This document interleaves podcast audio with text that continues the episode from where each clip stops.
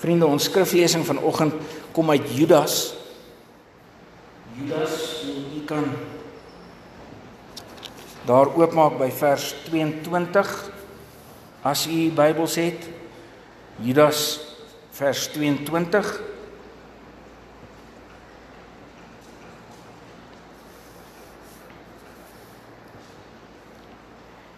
Gedurende hierdie jaar is die hooftema is Galasiërs 5 vers 6 geloof wat deur liefde tot dade oorgaan. En in hierdie eerste kwartaal fokus ons op geloof en ons kyk op verskillende maniere na geloof. Ons kyk wat ek en jy glo, ons kyk wat glo ons.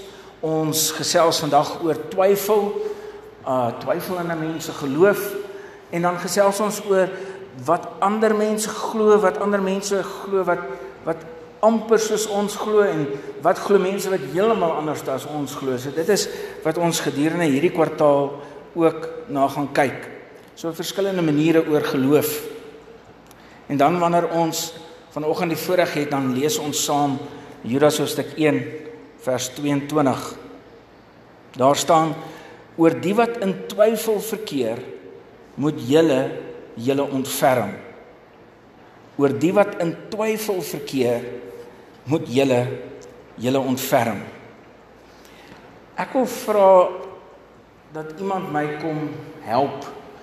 Ehm um, maar dit dit dit moet iemand wees. Ek gaan dit maklik maak vir julle. Dit moet iemand wees wat nie wat nie meer as ek weeg nie. Ons min of meer almal van julle. So enigiemand kan my kom help. En dit moet iemand wees wat redelik braaf is ook. Ons het daarom die dokter hier en die suster as iets fout gaan nou met die poging. Wie wie wie sal my kom help? Een van die een van die manne. Pieter, kom help vir my. Ja, jou jou pa het nie dit gereël nie, hoor. So Ek het nie seker dit vir die gereël.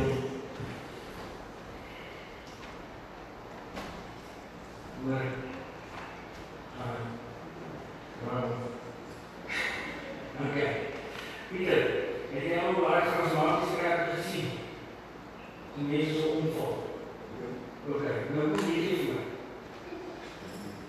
Jy sê jy het die charismatiese kerk gesien, jy sê waar hulle omval, jy sê ja. Maar jy sê nee, okay, jy het ook sien dat hulle so omval. Okay, ek gaan dit van jou verwag. Maar maar jy raai sien maar net die ou gaan agter toe van voor hy voor jy daai video sien. Okay, jy moet agter te volg. Okay. So ek wil hê jy moet vertrou. Dis reg. Okay. Jy moet nie veel druk op dit hê. Kan jy so loop? Jy moet saai jou voete teen mekaar. Hande styf in jou sy. En en dan gaan ek nou bly jy agter te volg. En en dan gaan jy probeer volg. Ja, dit dit is 'n klein bietjie in die loop maar nee, hoop ek iemand wat so speel het so en so en ek is nie moeg vir hom so ek het nou letterlik probeer van dis reg vertrou my so bietjie as jy so bietjie okay hoe hoeveel persent vertrou jy 80% jy dan ek sê mens jy sê die alfa belofte die en loop of ek my 99% vertrou jy vertrou my 60% dis klein jy nog hier nee okay hy hy het al hy het al mense vertrou in hulle het en hulle het al die seker gehad nee mm nou gou net word gebeur het jy al reg gepraat gehad nog okay goed. Anders sê jy moet maar wel agter te volg as jy reg. Okay so jy vertrou my net 80% 20% twyfel jy maar is wat Okay, so dis reg. Goed. Ek gaan nou sê jy moet stywe lys en dan gaan sê uh 1 2 3 4. Ai, twee. Net twee. Okay, ons sê ons sê vir die raam dat hy daar voor is. Ernst, ernst. Dan is dit verskriklik moeilik om nie so een veiligheidstreekie agter te toe gee soos Pieter nou gemaak het. Dis dis ontsettend moeilik. Want ons het mekaar al laat val. Vertroue is 'n moeilike ding. Om nie te twyfel nie. In watter opsig ook al is een van die moeilikste dinge om op hierdie aarde te doen. En as ek en jy die vermoë het om te sê dat ek en jy nog nooit in ons geloof getwyfel het nie, dan wil ek amper vir jou sê ek ek weet daarom nie. Ek weet daarom nie. Ek kan nie met jou stry nie. Ek kan nie vir jou sê jy jok vir my as jy sê jy het nog nooit getwyfel nie. Maar erns in hierdie lewe soos wat ek en jy dit ken en ervaar en die seer wat ons al ervaar het in hierdie lewe kan ons mos maar eerlik wees met mekaar. Ons twyfel soms of dit oor die droogte is of dit oor finansiële sekuriteit is of dit oor die toekoms van die land is feit is ek en jy twyfel die vraag is wat doen ons daarmee erken ons dit erken ons dit in onsself erken ons dit aan mekaar kan ons vir mekaar sê maar weet jy wat ek ek twyfel ek wonder Of is ons hart op mekaar? En is ons hart op onsself? Ek vind in my ondervinding dat ons verskriklik hard is op onsself en op mekaar. Ons hou daarvan as mense nie twyfel nie. Ons hou daarvan dat mense kan sê maar weet jy wat ek ek twyfel nie en hier gaan ons in ons soek so 'n leier ons soek iemand wat so voorloop so met sekerheid kan sê hierdie is die pad volg my Ja, iemand soos Delaray, né? Ja. Ons soek weer iemand wat so voor kan loop, so so seker. En dan besef ek en jy dat ons in 'n baie baie interessante tyd leef. 'n Tyd waar alles bevraagteken word. En waar jy enige vraag letterlik in jou selfoon kan intik en sekere antwoorde kan kry. En dan moet ek en jy mos erken dat daar 'n sekere vrae is wat ons al gevra het ook oor God en oor die kerk en oor geloof wat ons bang is om hardop te vra. Wat ons bang is om vir mekaar te vra. Want ons bang iemand gaan maar net vir ons sê en so maak en sê nee, Weet jy, jy kan nie so glo nie, jy moet maar net soos 'n kind glo, moenie twyfel nie en dan kry jy sommer raas en miskien nog 'n taai klap ook. Die feit bly staan is net dat die wêreld en die mense en die jong mense die tieners van hierdie tyd het vra vra vra oor die groot goed in die lewe Soos hoe kan God toelaat dat 'n 3-jarige dogtertjie verkrag word? As God almagtig is, hoe kan hy dit net toelaat?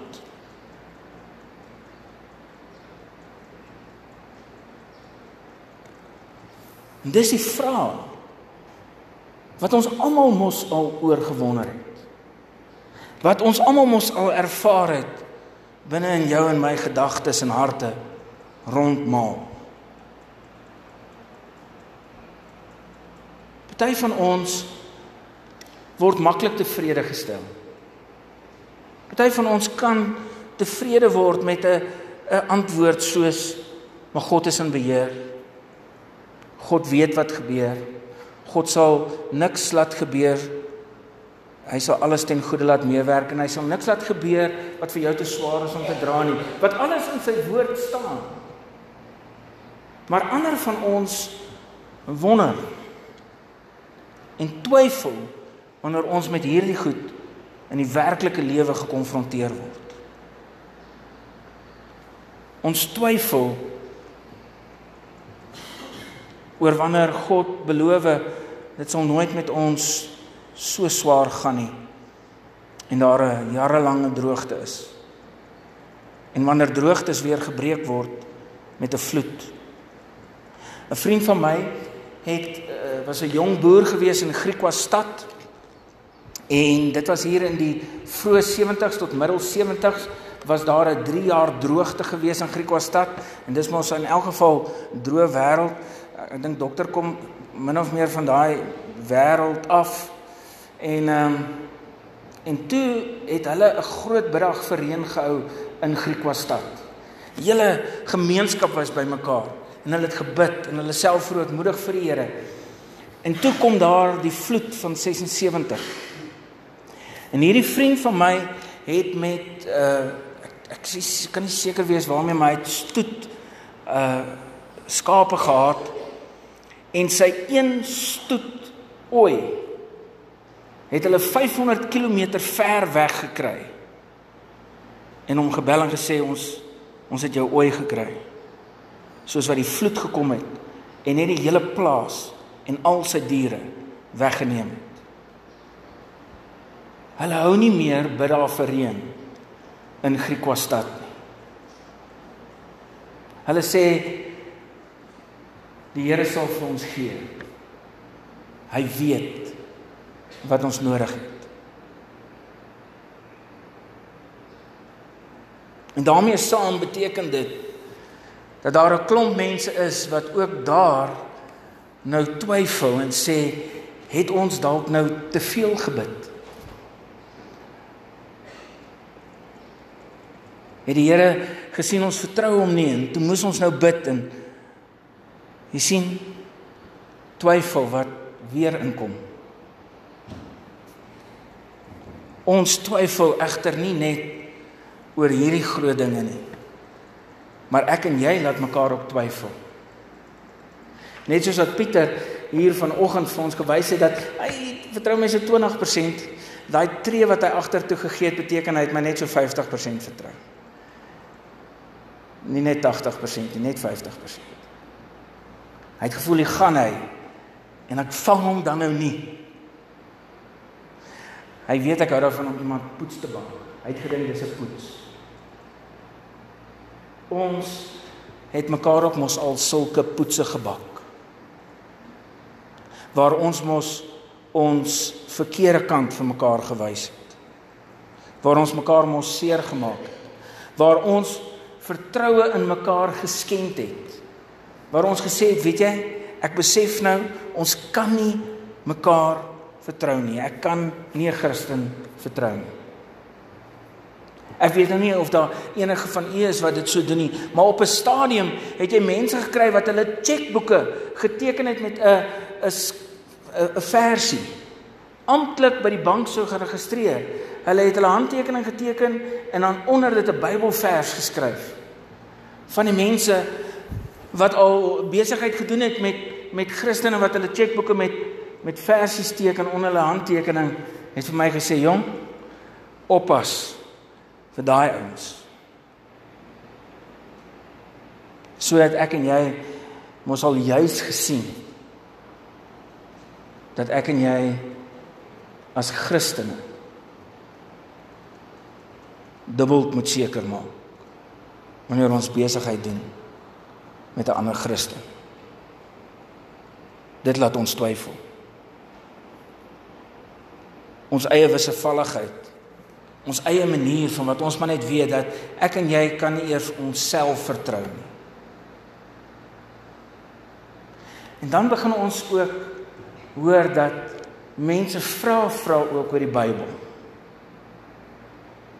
en party van die vrae heeltemal na reg sê vir my wie van u glo dat die Bybel reg is oor of die aarde plat is of nie Volgens die Bybel is die aarde plat. Julle weet dit, né? Nee?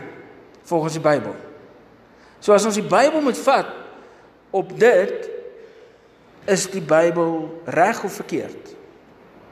Is die aarde plat of of nie? Ja, help my. Is die aarde plat of nie? Wat dink julle? Is hier van die flat earthers hier?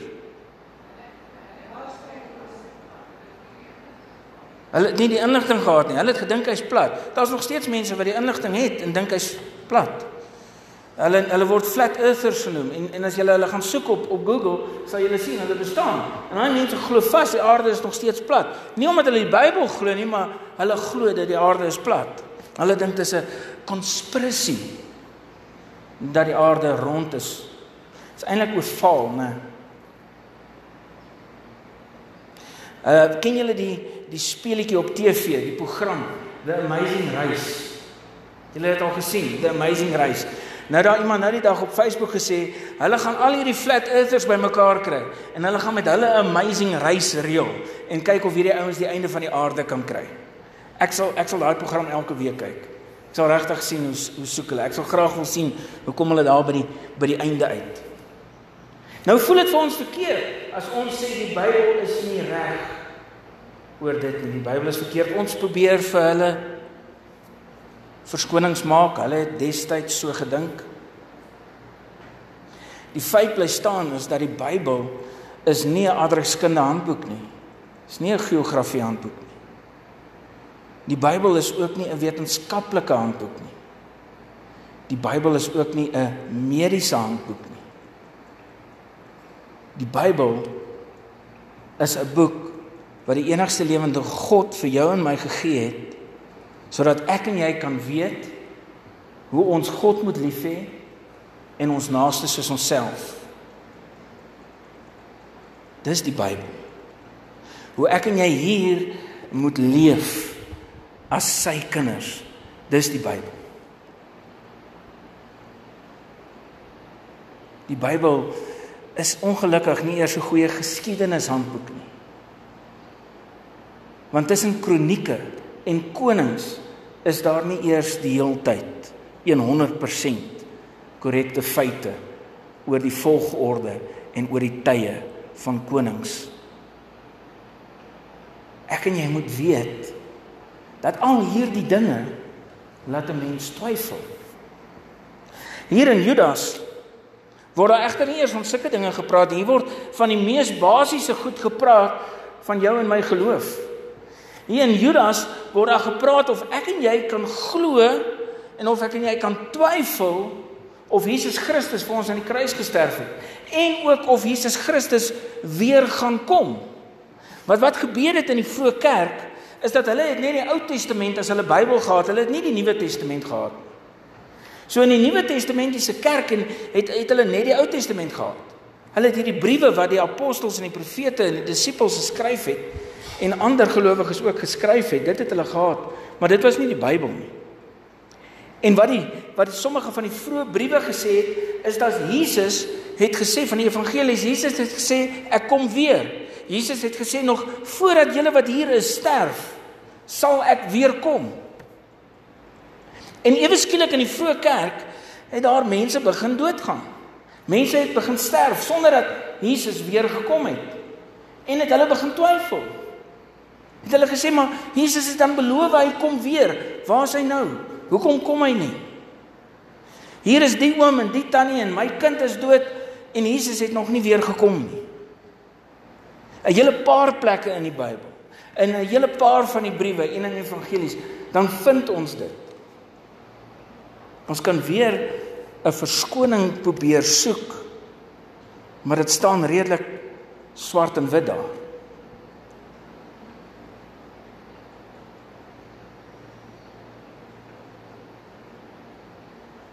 Hoe maak ek en jy met wanneer ek en jy twyfel in ons hart en in ons gedagtes kry?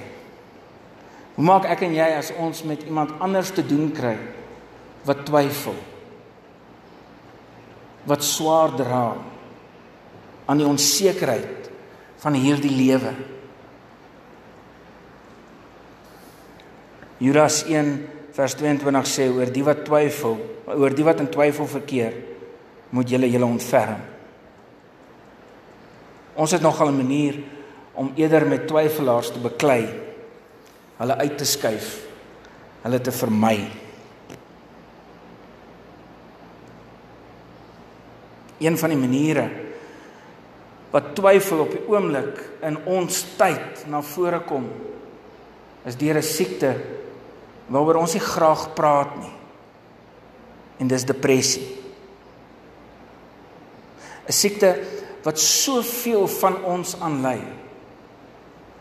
Maar ons sal nie daaroor praat nie. 'n Siekte wat sorg dat ek en jy dalk selfs makliker twyfel oor sekerheid, selfs oor God as ander. Maar ons hou dit geheim. Ons kan dit nie met mekaar deel nie want wat sal die ander dink? As gevolg van 'n wanbalans in jou brein en selfs sê die wetenskaplikes in jou darm is daar chemiese stowwe wat nie reg funksioneer nie. En dit kan geneties wees, jy kan dit oorgeerf het in jou familie. Of dit kan ontstaan uit uit een of ander trau trauma en traumatiese gebeurtenisse wat jy beleef het. Onder boere is daar baie wat aan depressie lê. Daai spanning van jaar in en jaar uit te leef met hierdie onsekerheid maak 'n mens twyfel. Veroorsaak soms siektes soos depressie.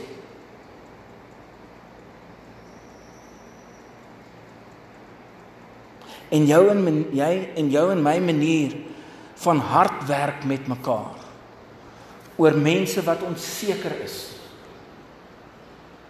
Mense wat nie so vas staan soos wat ek en jy wil hê hulle moet vas staan nie jou en my hartheid met onsself veral ons mans wanneer ons iets soos twyfel en depressie sien as 'n swakheid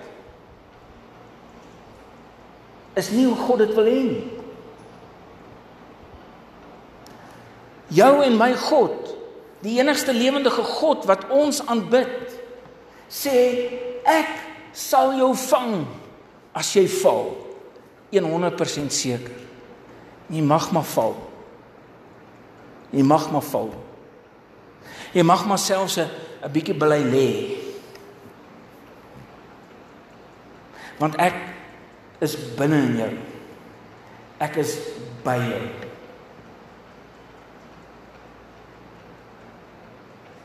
Maar God wil hê dat ek en jy nie alleen aan hierdie goed moet dra nie. Ons kan nie mekaar vang as ons nie weet iemand val nie. As jy lê, dan moet jy ons laat weet. Want hoe kan ons weet jy lê as jy ons nie laat weet nie? As jy my masker van ek is sterk, ek twyfel nooit, ek is vir niks bang nie. Ek's 'n dapper muis vir ons voorhou, kan ons ander in ons gemeente en gemeenskap jou nie help nie. Ons kan nie eers vir jou bid nie want ons weet nie eers.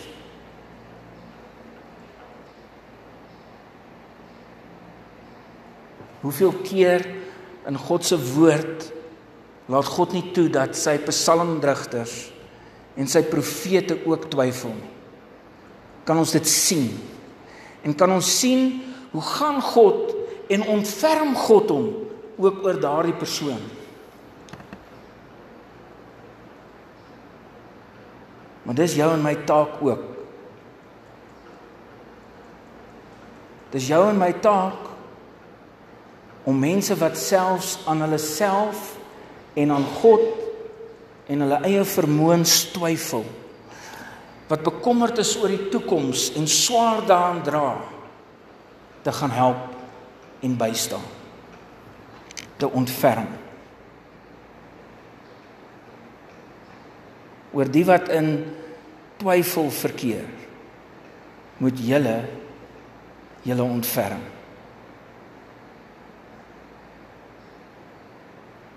Een ek sal letterlik op ons rug val.